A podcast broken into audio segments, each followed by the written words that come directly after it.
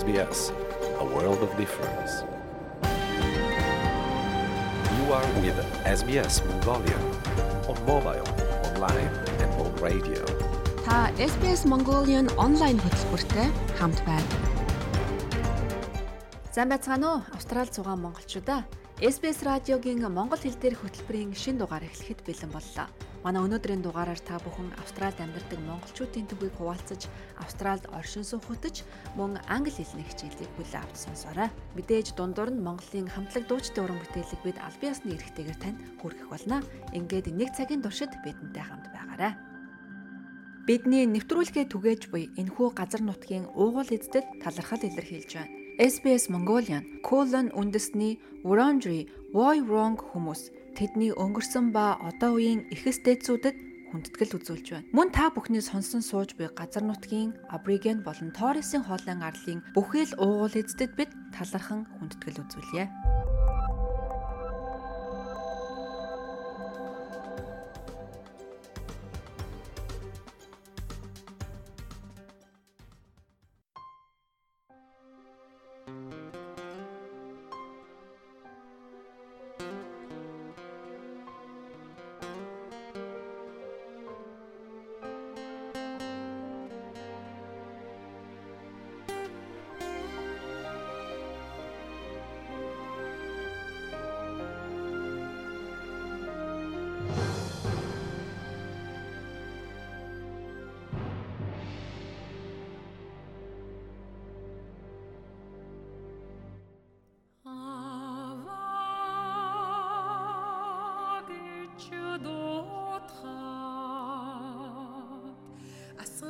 Bayrat içinde tel yolana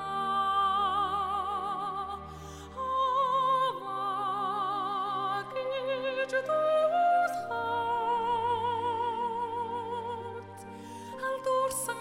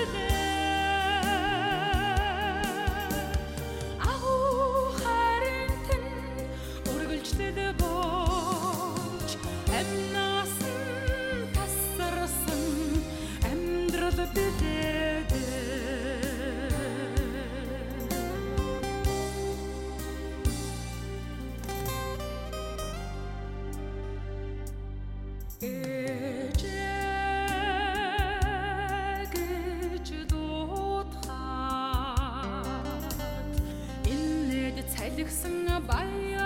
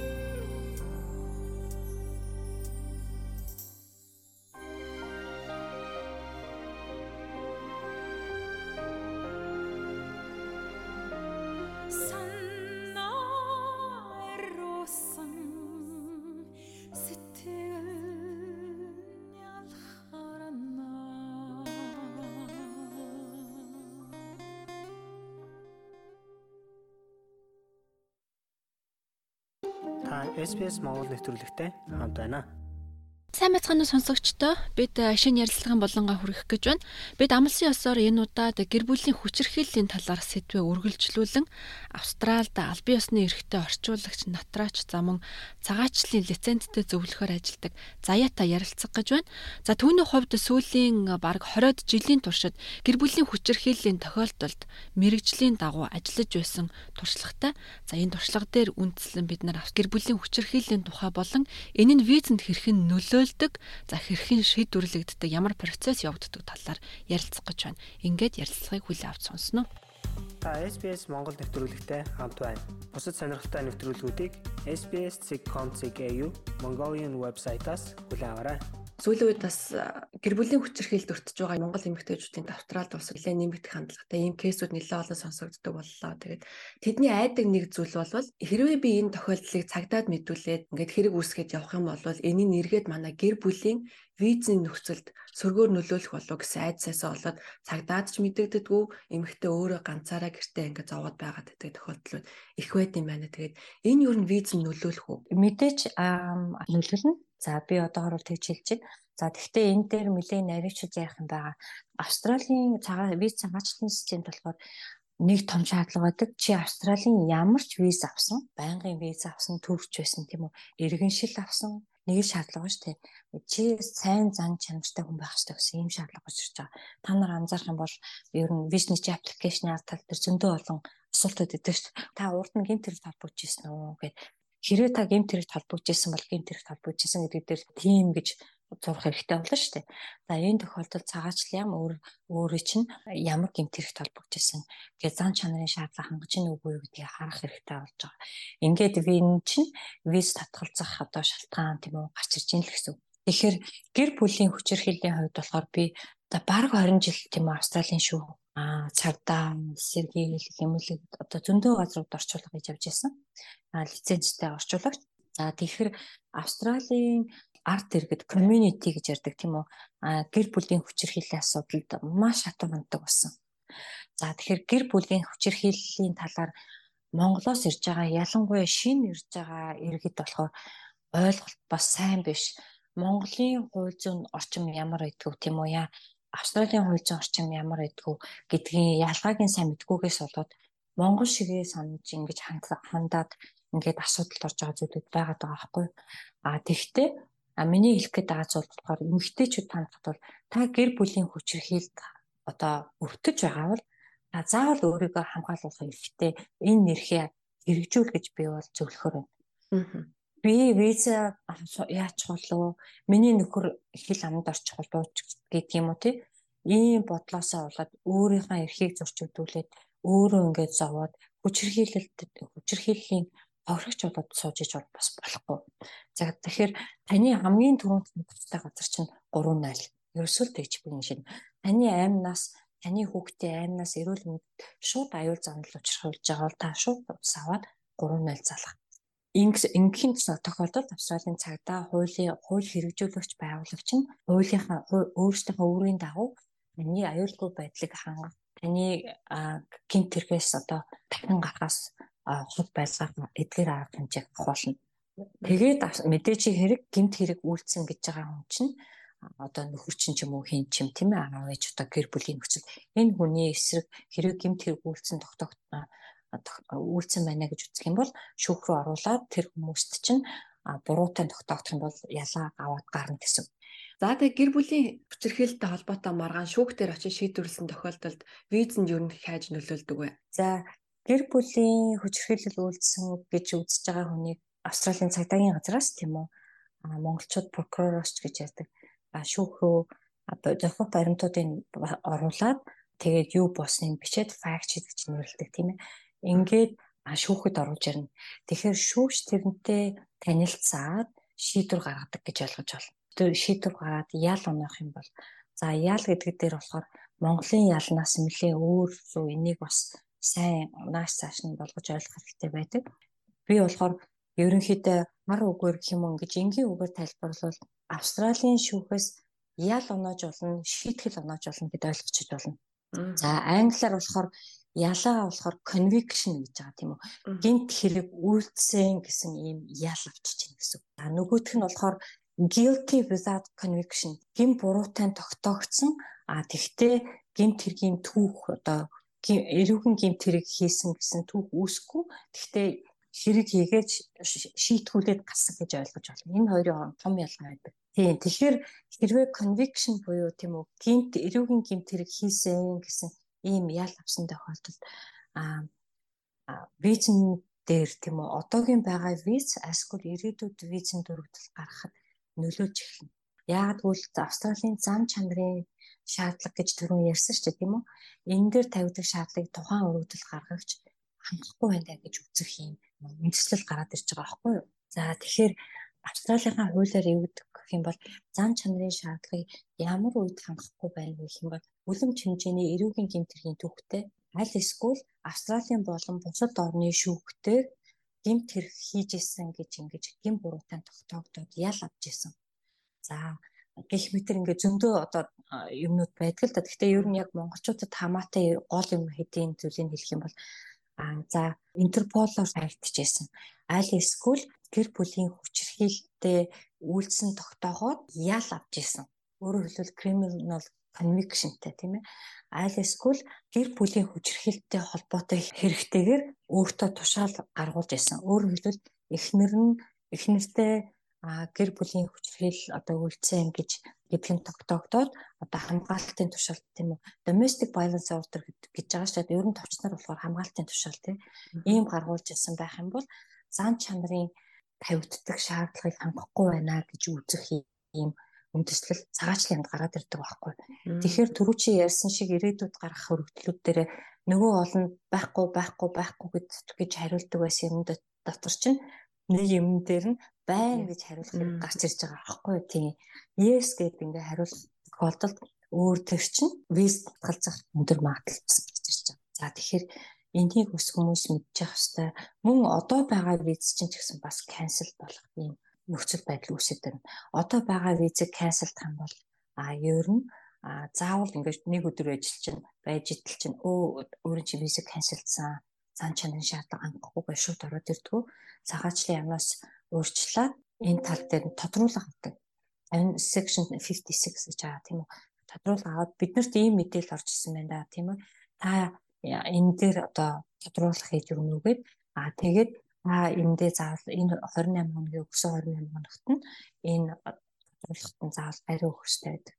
А тэгээд таны хариу хүлээж авсны дараа тэгсэн хэдий ч гэсэн таны тайлбар хангалтгүй зан чанарын шаардлага хангаж чадахгүй байна гэд ингээд үзэх юм бол виз чинь канселтна гэсэн. Иймэрхүү зүйл гарч ирдэг. Тэгэхээр гэр бүлийн хүчирхийлэлтэй холбоотой ямар нэгэн хэрэг гарсан бол шүүхтэр очоод одоо хийсэн хэрэг хийсэн хүний ярьж байгаа шүү дээ тийм үү. Одоо хохирогчийн ярихгүй байгаа шүү дээ тийм үү. Энэ хэрэг дээр буруутай гэж хүлээх үү, буруугүй гэж хүлээх үү, criminal conviction уу, авахгүй гарах уу гэх мэтэр энэ дээр болохоор заавал эрүүгийн хууль чар өмгөөлөх юм уу ядглаа одоо хуулийн зөвлөгөө авсан багш. Аа хоёлын энэ нэг зүйлийг ялгаж яриа гэж бодлоо. Сая тэр бизнес татгалзах авах магадaltaй гэдэг бол хүчирхийлэлт үйлдэлсэн этгээдийн хувьд бол тийм байгаа тийм. Харин хүчирхийлэлт өртсөн эмэгтэй хувьд тийм ээ нэгэн тэр гэр бүл ингээд одоо дараагийн визэ тусдаа мэдүүлэх юм уу тийм асуудал гарахад хүчирхийлэлт өртсөн тэр эмэгтэй хувьд бол татгалзах шалтгаан болохгүй болов уу гэж би зүгээр хувьдаа харж байна. Тий. Тэгэлгүй яах вэ? А тэгтээ бас нэг бодох юм бол за жишээлбэл оюутан гэр бүл байлаа гэж бодъё тийм үү. А тэгээд одоо эхнэр нь одоо сурдаг үндсэн мэстэй хүн байлаа гэж бодъё. Гэтэл нөхөр нь одоо хүчрхийл хийчлээ тийм үү. За гин буруутай болчлоо. Нөхрийнх нь визэг канцлыг гарч штэ болж боллоо гэж бодоход эхнэрийнх нь виз өөрөө канцлагдана. Яг бол тэр гурван чинь нэг л визтэй.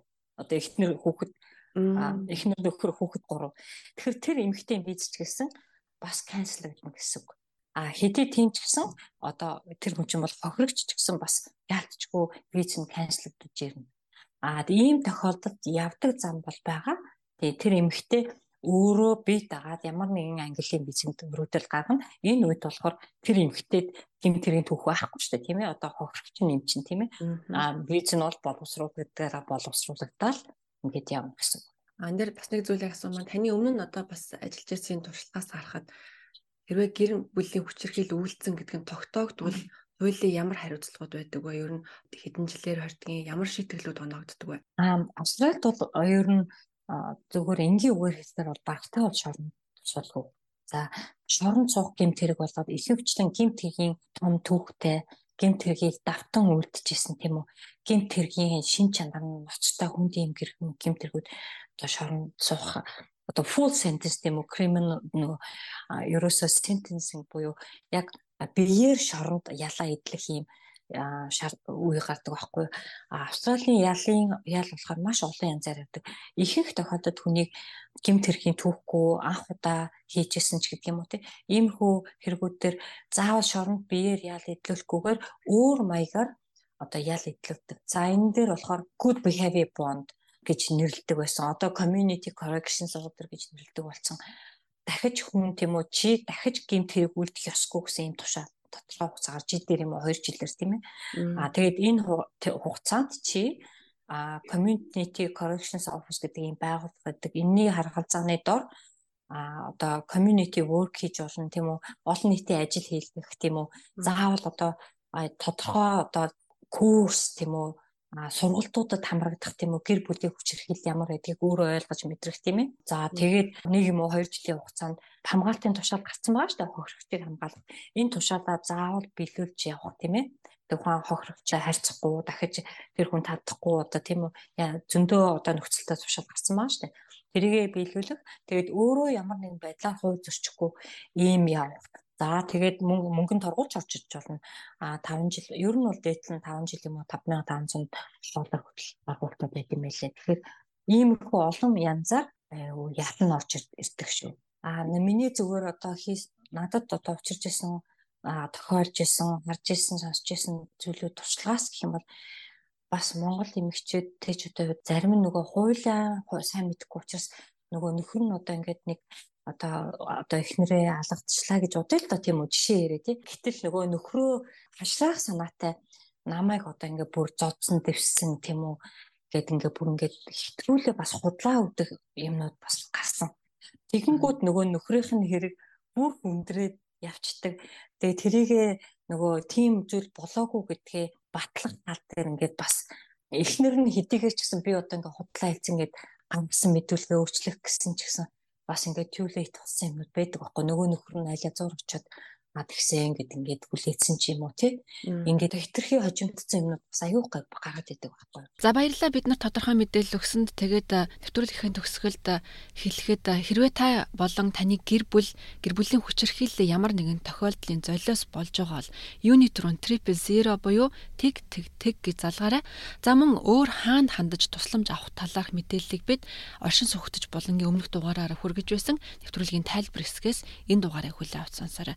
Цаг зав гаргаж ярилцсан танд баярлалаа заягчаа. За баярлалаа. Тэгээд амжилт хүсье ажилтж чинь. За баярлалаа таны ажилд амжилт хүсье. Баяртай. За баярлалаа.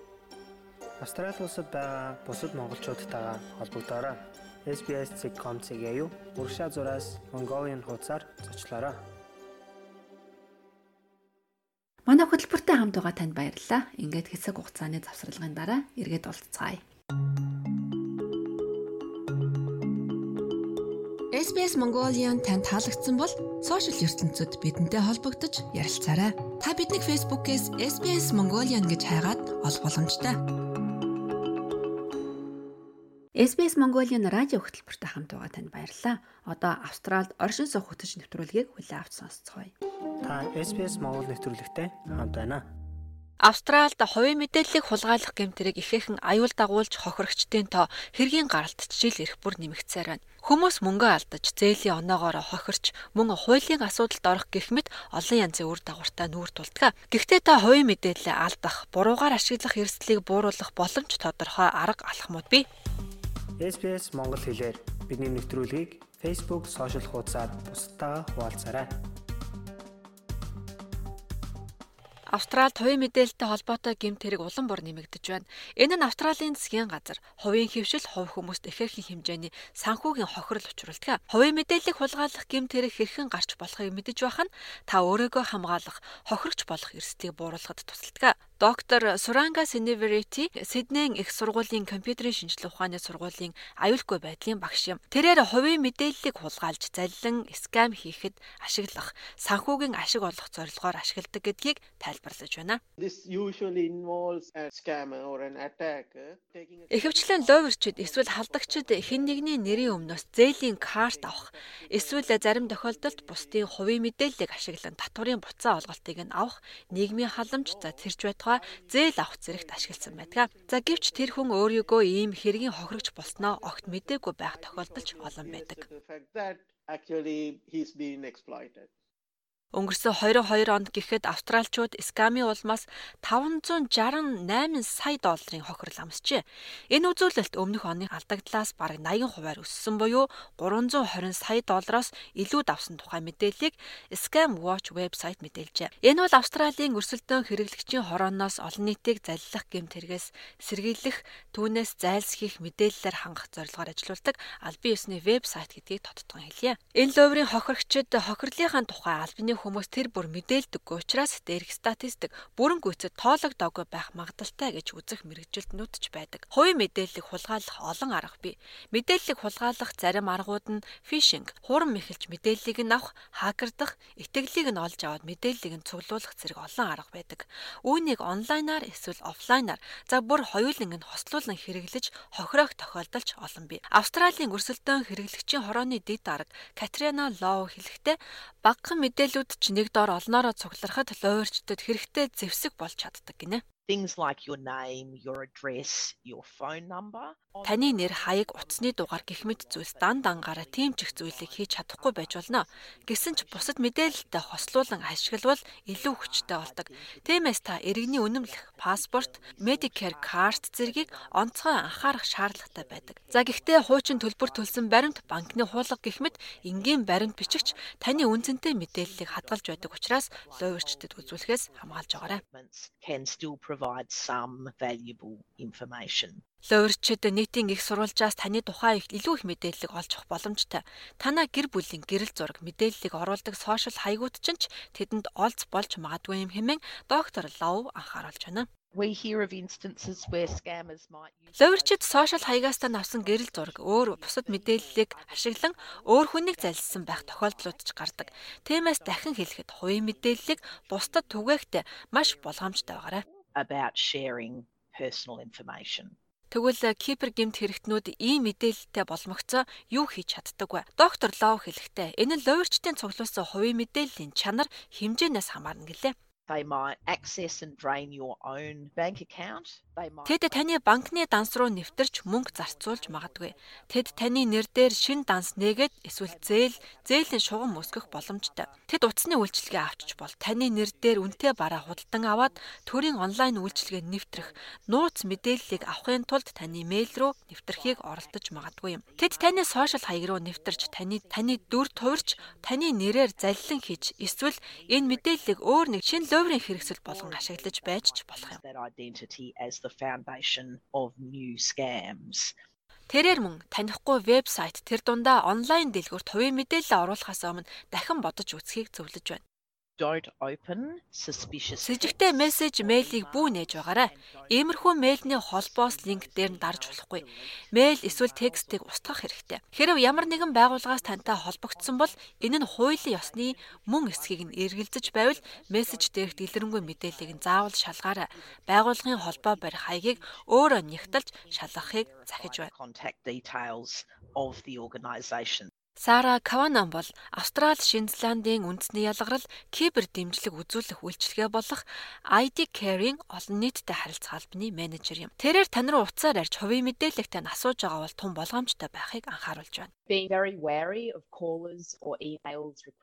Та хувийн мэдээлэлээ өгтөө үргэлж болгоомжтой байгаарай. Ялангуяа таны жолооны үнэмлэх, паспорт, Medicare эсвэл банкны нэвтрэх мэдээлэл зэргийг асууж байгаа бол болгоомжтой хандах хэрэгтэй. Та тэр хүний хэн болохыг нь бүрэн таньсан, баталгаажуулсан эсгээ дахин нэг бодож үзээрэй.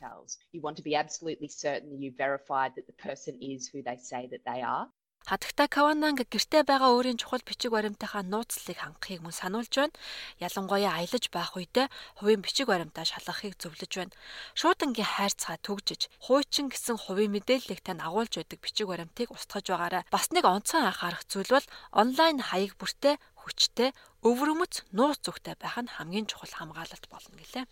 Make sure you have unique passwords that are. Та өөрийн бүх дансанд урт хүчтэй өвөрмөц нууц зүгтэй байгаа эсгээ шалгаарай. Нэг нууц зүгийг хизээч хоёр туудаага бүү ашигла. Боломжтой бол данс бүрт олон өөр тэмдэгт оролцуулан баталгаажуулалтыг тохируулж байх нь зүйтэй. Үүнд таны мөнгөний данс, сошиал медиа хаяг, мэйл хаягуудын нууц зүгийг хамруулан ойлгоно.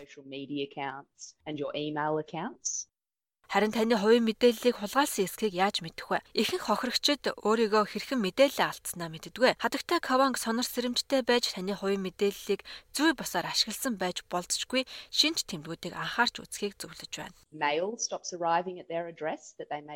Таны хүлээж байсан мэйл хаяг шуудан гартаа нэрхээ болно. Эсвэл банк зээлийн картны хуулга дээр зөвшөөрөл өгөөгүй та өөрөө хийгээгүй гүйлгээ гарч ирдэг. Хувь хүмүүст өөрсдийн хийгээгүй бараа үйлчилгээний төлбөр нэхэмжлэх төлбөрийн баримтыг хүлээн авч эхлэж болно. Эсвэл та ямар нэгэн зээл хүсээгүй байхад татгалцсан зээлийн шаардлага хангаагүй гэх мэт мэдэгдэл ирвэл мэдээлэл алдсан байх магадлалтай гэж ойлгож situation. Ингээд та өөрийн хувийн мэдээлэл алдсан байж магадгүй гэж сэжиглэж байгаа бол ID кэртэй холбоо барихыг зөвлөж байна. Танд юу хийх талаар алхам алхмаар зааварчилгаа өгөх болно. Мөн холбогдох байгууллагатай нэн даруй холбоо барьж онлайн дансныхаа дэлгэрэнгүй мэдээллийг шалгах нь чухал гэж хатагтай Кавананг мэдэгдэж байна. Та нэвтэрч ороод бүх нууц үгээр шинчлэн боломжтой бол олон хүчин зүйлийг баталгаажуулах тохиргоо хийхийг зөвл- зөвлөж байна. Дараа нь эдгээр хаягуудтай холбоотой мэдээлэлд өөрчлөлт орсон эсхийг шалгаарай. Хэрвээ та өөрийгөө залилангийн хохирогч болсон гэж үзэж байгаа бол зээл гаргадаг компаниудад хандаж хориг тавих хүсэлтэд гаргаж болдог.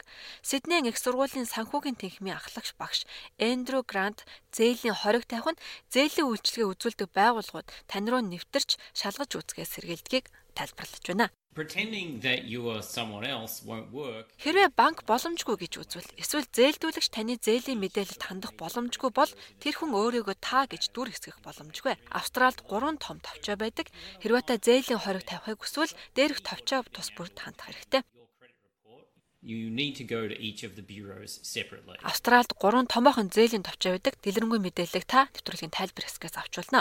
Доктор Кранти хэлснээр зээлийн хоригийг өргөдөл гаргах нь маш амархан байдаг. Онлайн анкет бөглөхөд л болно. Урьдчилан сэргийлэх олон арга хэмжээ авсан ч хинт ч ийм хулгай тохиолдож болзошгүй юм. Бидний ярилцсан доктор Крант өөрөө гадаадад явж байхдаа хувийн мэдээллийн хулгайд өртөж байсан нэгэн гинэ. Тэрээр Америкийн нэгдсэн улсад байхдаа согтууруулгундаа хэрэгэлсэн бөгөөд тухайн үед нь түүний утасны төгжийг нүрийг нь таниулан тайлж incapacitated, Миний утас царай таньж төгжээг нь тайлах тохиргоотой. Гэхдээ нэгэнд та согтууруулах зүйл хэрэгснээс болж хянах чадваргүй болсон бол тэд таны утсанд халдах маш амархан байдаг. Тэд таны утсанд нэвтэрснээр таны банкны аппликейшн нэвтрэх боломжтой. Тэд таны цахим шуудангаар дамжуулан олон хувийн мэдээллийг тань олж авах боломж бүрдэнэ. personal information through emails. Доктор Лов болон Scam Watch та илүү сонор сэрэмжтэй байхыг зөвлөж байна. Scammers are becoming increasingly Ловер улам боловсронгүй болж байна. Бид хүмүүсээс дараах гурван үгийг байн санаж явахыг зөвлөдгөө. Үүнд эхлээд зогс, бод, хамгаалт гэсэн гурван түлхүүр үг байдаг. Хэрвээ та зогсолсэйгээд энэ гүйлгээний нөгөө талд хэн байгааг би үнэхээр мэдэж байгаа эсгээ бодож үзээрэй. Тэгээд хамгаалаарай. and your bank and report the matter to Scamwatch. Хэрвээ та залилан мэхлэлтийн хохирогч болсон байж магадгүй гэж санаа зовж байгаа бол ID Care болон банктайгаа холбогдож мөн энэ тухайга Scam Watch-д мэдэгдээрэй. Үүнтэй адилхан бусад нэвтрүүлгийг сонсомоор байна уу? Apple Podcast, Google Podcast, Spotify эсвэл та өөрийнхөө сонсдог апп ашиглан манай нэвтрүүлэгтэй хавд байгаарай. Манай радио хөтөлбөр Монголын уран бүтээлчдийн дууг албан ёсны эрхтэйгээр танд хүргэдэг. Ингээд нэгэн уран бүтээлийг танд зориулъя.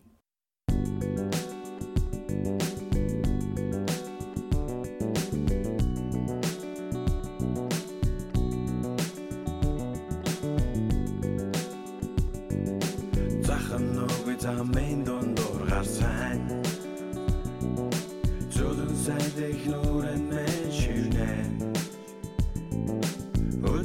Tony.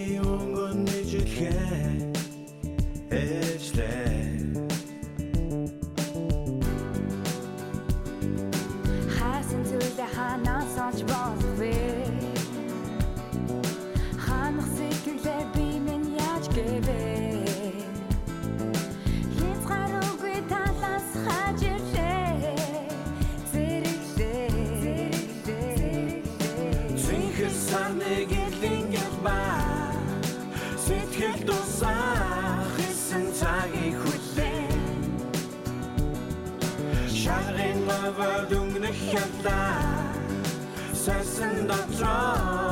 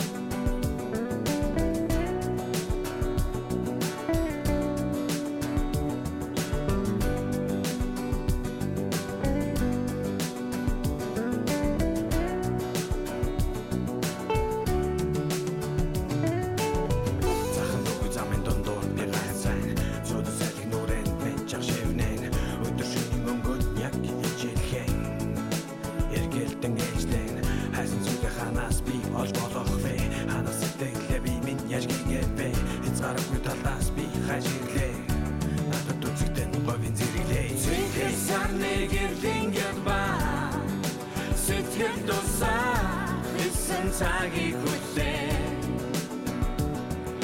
Шаргын бавар дүнгнэх ялаа Сарсан дотроо дуугаа дуулан дүлээ Зинхэр сарны гэрлийн гэлба Сэтгэл тусаа Хисэн цагийг хүлээ. Шаргын бавар дүнгнэх ялаа Сарсан дотроо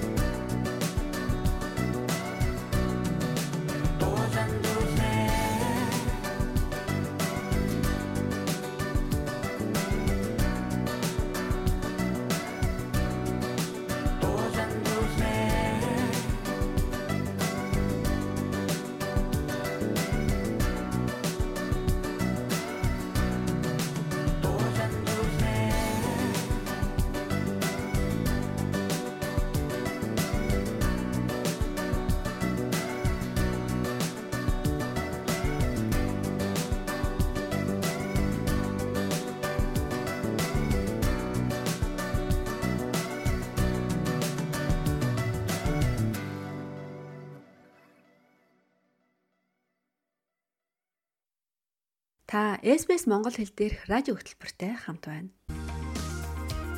Англи хэл сурах нь таны амьдралыг өөрчилнө. Та хэлээ сайжруулангаа Австралийн соёл, амьдралын хэв маягийн тухай SBS Learning English-с сураарай. Манай подкастыг хаач явсан сонсож болно. Learning English helps me talk about my struggles.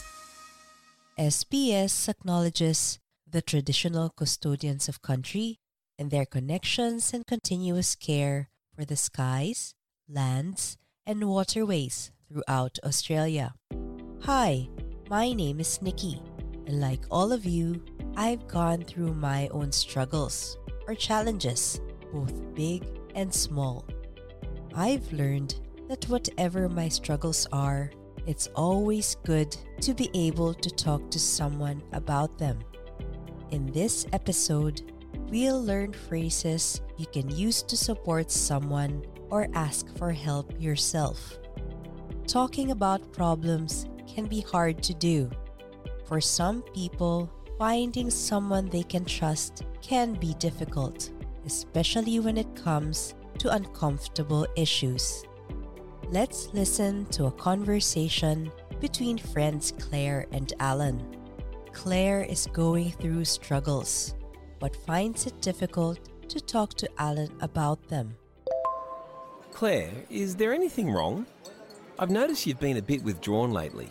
No, nothing's wrong. I'm okay. You know I care about you a lot, right? I do, but I don't feel like talking about it. No pressure. When you're ready to talk, I'll be here. Alan felt that something was not right with Claire, so he starts a conversation with her by saying, I've noticed you've been a bit withdrawn lately. To be withdrawn means to not want to communicate with other people. Whilst Alan thinks that something might be wrong, Claire says that she's okay. Alan then says these kind words to make sure she feels comfortable to talk. You know I care about you a lot, right? These words are very simple, but are very important to say. When a friend or a family member doesn't want to talk about what they are feeling, it's always good to remind them how much you care about them. Saying these kind words will make them feel like they can trust you with their problems. Other ways of saying you care could be I'm concerned about you, or I love you very much, so I worry about you. Although Alan shows his care for her, Claire still says that she's not ready to talk. And yes, that's okay. Alan understands that Claire doesn't want to talk and says, No pressure. When you're ready to talk, I'll be here. When someone says no pressure, it means that there is no need to do something right away. Alan assures Claire that she doesn't need to tell him now about what she's feeling, but that when she is ready, he will be there for her with kindness and empathy. There is another word that is similar to empathy. That word is sympathy. What exactly is the difference between the two? To have empathy means to be able to understand what someone is going through and to be able to share their feelings. To have sympathy means to simply observe and accept that someone is struggling. Both are good things to feel. However, there is more closeness and warmth in empathy. With empathy, you're showing the other person that you can feel what they are feeling and that you understand them.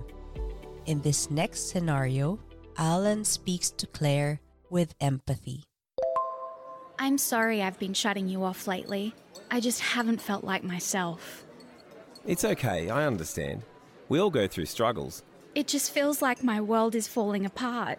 I lost my job and my partner left me. It's all too much. Oh, I'm sorry you're going through this. I know how hard it is to open up. So thank you for trusting me. I wish I could make things better. Thanks for being such a good friend, Alan. Of course. I'm always a shoulder to cry on. You're strong and you'll get through this. But when things get a bit too much and you need support, I'm always here for you. True friends are there for each other, even when times are tough. Claire first apologizes to Alan, saying, I'm sorry I've been shutting you off lately. I just haven't felt like myself. To shut someone off means to not communicate with them. She says that she hasn't been feeling like herself. This means that she hasn't been feeling well lately or she hasn't been behaving like she usually does. Alan assures her that it's okay and that We all go through struggles. By saying this, Alan is empathizing with Claire. It shows that he understands her because, like everyone else, he also has times when he is struggling.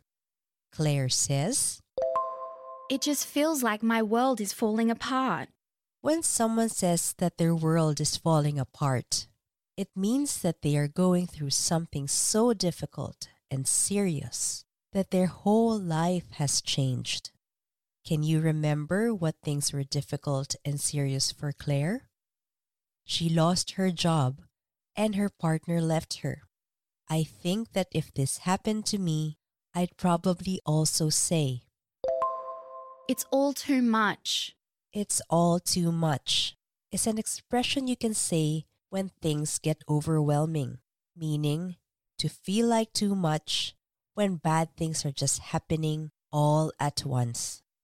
After learning of her struggles, Alan says these three things to show her empathy and care. I'm so sorry you're going through this. I know how hard it is to open up, so thank you for trusting me. To open up means to communicate more. I wish I could make things better. These are such kind words to show that you are there for those you care about. You could also say, It's okay to be scared or sad. I'm sorry you're hurting. Or, I feel awful imagining what you're going through. Claire thanks Alan for being a good friend, and Alan responds, I'm always a shoulder to cry on. A shoulder to cry on is someone who is willing to listen and be there for someone who is having a difficult time. He says, You're strong and you'll get through this. But when things get a bit too much and you need support, I'm always here for you. Alan shows kindness by reassuring her that she is strong and that he is there for her. When you reassure someone, you make them feel comfortable with their decisions. Claire is lucky to have Alan.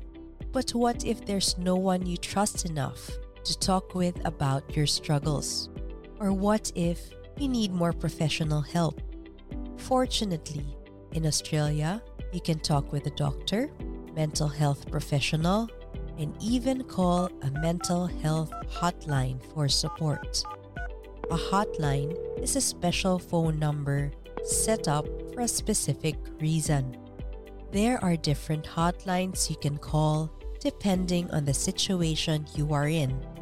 If you're depressed, meaning you are feeling constantly unhappy, or even going through abuse in the home, which we will discuss later in this episode. If you haven't reached out for professional help before, you may not know how to start the conversation. You don't need to worry. Just imagine you are talking to a trusted friend. Listen to these examples for things you might say. I've been going through a rough patch lately. A rough patch is a difficult situation. I feel so out of depth with work, and I've been struggling with my personal life. To be out of depth means to be in a situation that is beyond your capabilities or understanding. I've been feeling so depressed and anxious. While depressed means to constantly feel unhappy, to feel anxious means to feel worried or uneasy. There can be times that you feel only one of these feelings or both of them at the same time. I need support. These three words are powerful and will help get you the support you need. There are many things that can cause us to struggle, such as work, money, and failing relationships. But what if you're struggling because of abuse and violence that you are experiencing at home? How do you ask for support? Where do you turn? Here with me today is Edinel Magtibay from SBS Filipino, whom I worked with on Breaking Our Silence, a podcast series on domestic violence. Hi, Edinel. Hi, Nikki. Thanks for having me today to talk about this very difficult but important issue. We went through tough conversations, didn't we? But I could only imagine how much harder it was for our interviewees to talk about their experiences. Yes, very true. Do you remember some of the ways you were able to gain their trust and to get them to open up? It was important to show empathy, to show them that we weren't only reporting on their stories, but that we cared. Some of the things I said were, I know how hard it is for you to open up, so thank you for trusting me. And I wish I could make things better. Also, we didn't push.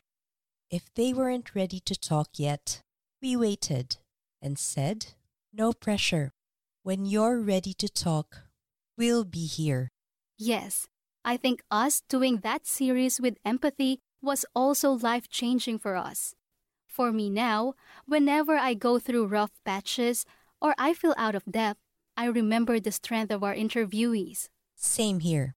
If you're listening today and you're struggling with abuse in the home, please know that you can ask for help.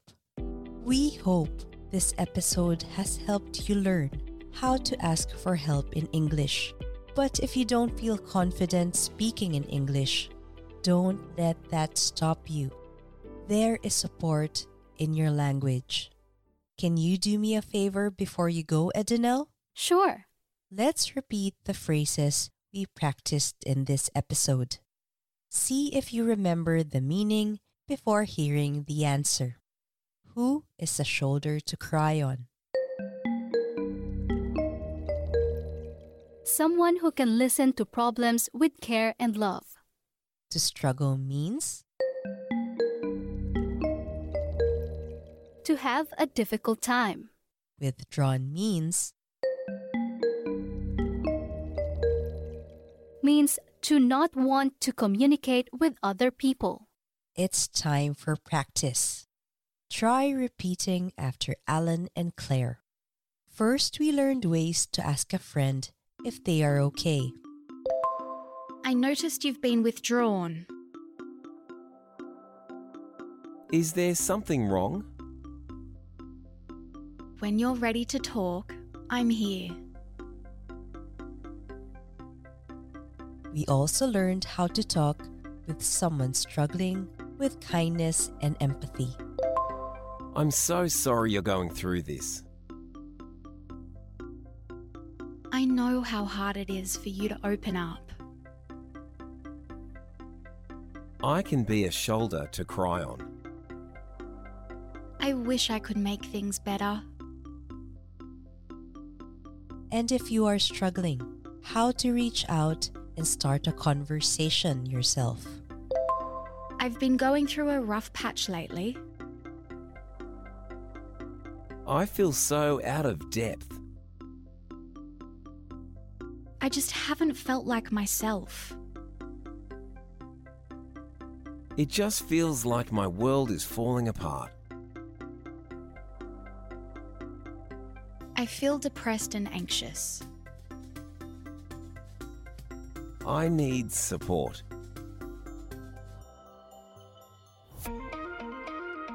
If you're a victim of family violence or know someone who is, you can call 1 800 RESPECT to get help. If you require emotional support, you can contact Lifeline on 131114 or Beyond Blue on 1 800 22 4636. If you need an interpreter, call 131450. For learning notes and transcripts, visit the SBS Learn English website, where you can also find a quiz to test your listening and understanding skills. And if you want to get in touch with us, reach out on Facebook. We are SBS Learn English. I'm your host, Nikki. Thank you for learning English with me. Learning English can change your life. Subscribe so you don't miss an episode and visit our website for learning notes and transcripts. When you don't know what you're looking for, you can't see the red flags until it's too late. SBS presents the gripping new series, Safe Home. Can you try and focus on the hours leading up to the death? Leading up to the murder. Starring Aisha D and Mabel Lee, this thrilling drama takes viewers on a journey that will have you on the edge of your seat. An SBS original, Safe Home. Stream free on SBS On Demand.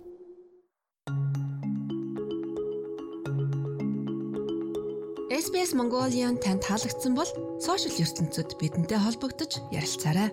Манай Facebook хуудасаар орж ертөнцийн төмөн өнгийг гэрэлтүүлсэн өргөө герт маань зочлоорой. Найзуудтайгаа бидний түүхийг хуваалцаж тэдэнтэй амьдралаа ярилцсан холбоотой байгаарай. Та биднийг Facebook-ээс SBS Mongolian гэж хайгаад олох боломжтой. SBS радиогийн монгол хэл дээрх хөтөлбөртэй хамт байсан танд баярлалаа. Ирэх 7 хоногийн пүрэв гарагт 2 цагт эргээд уулзцагаая. Түр баяртай.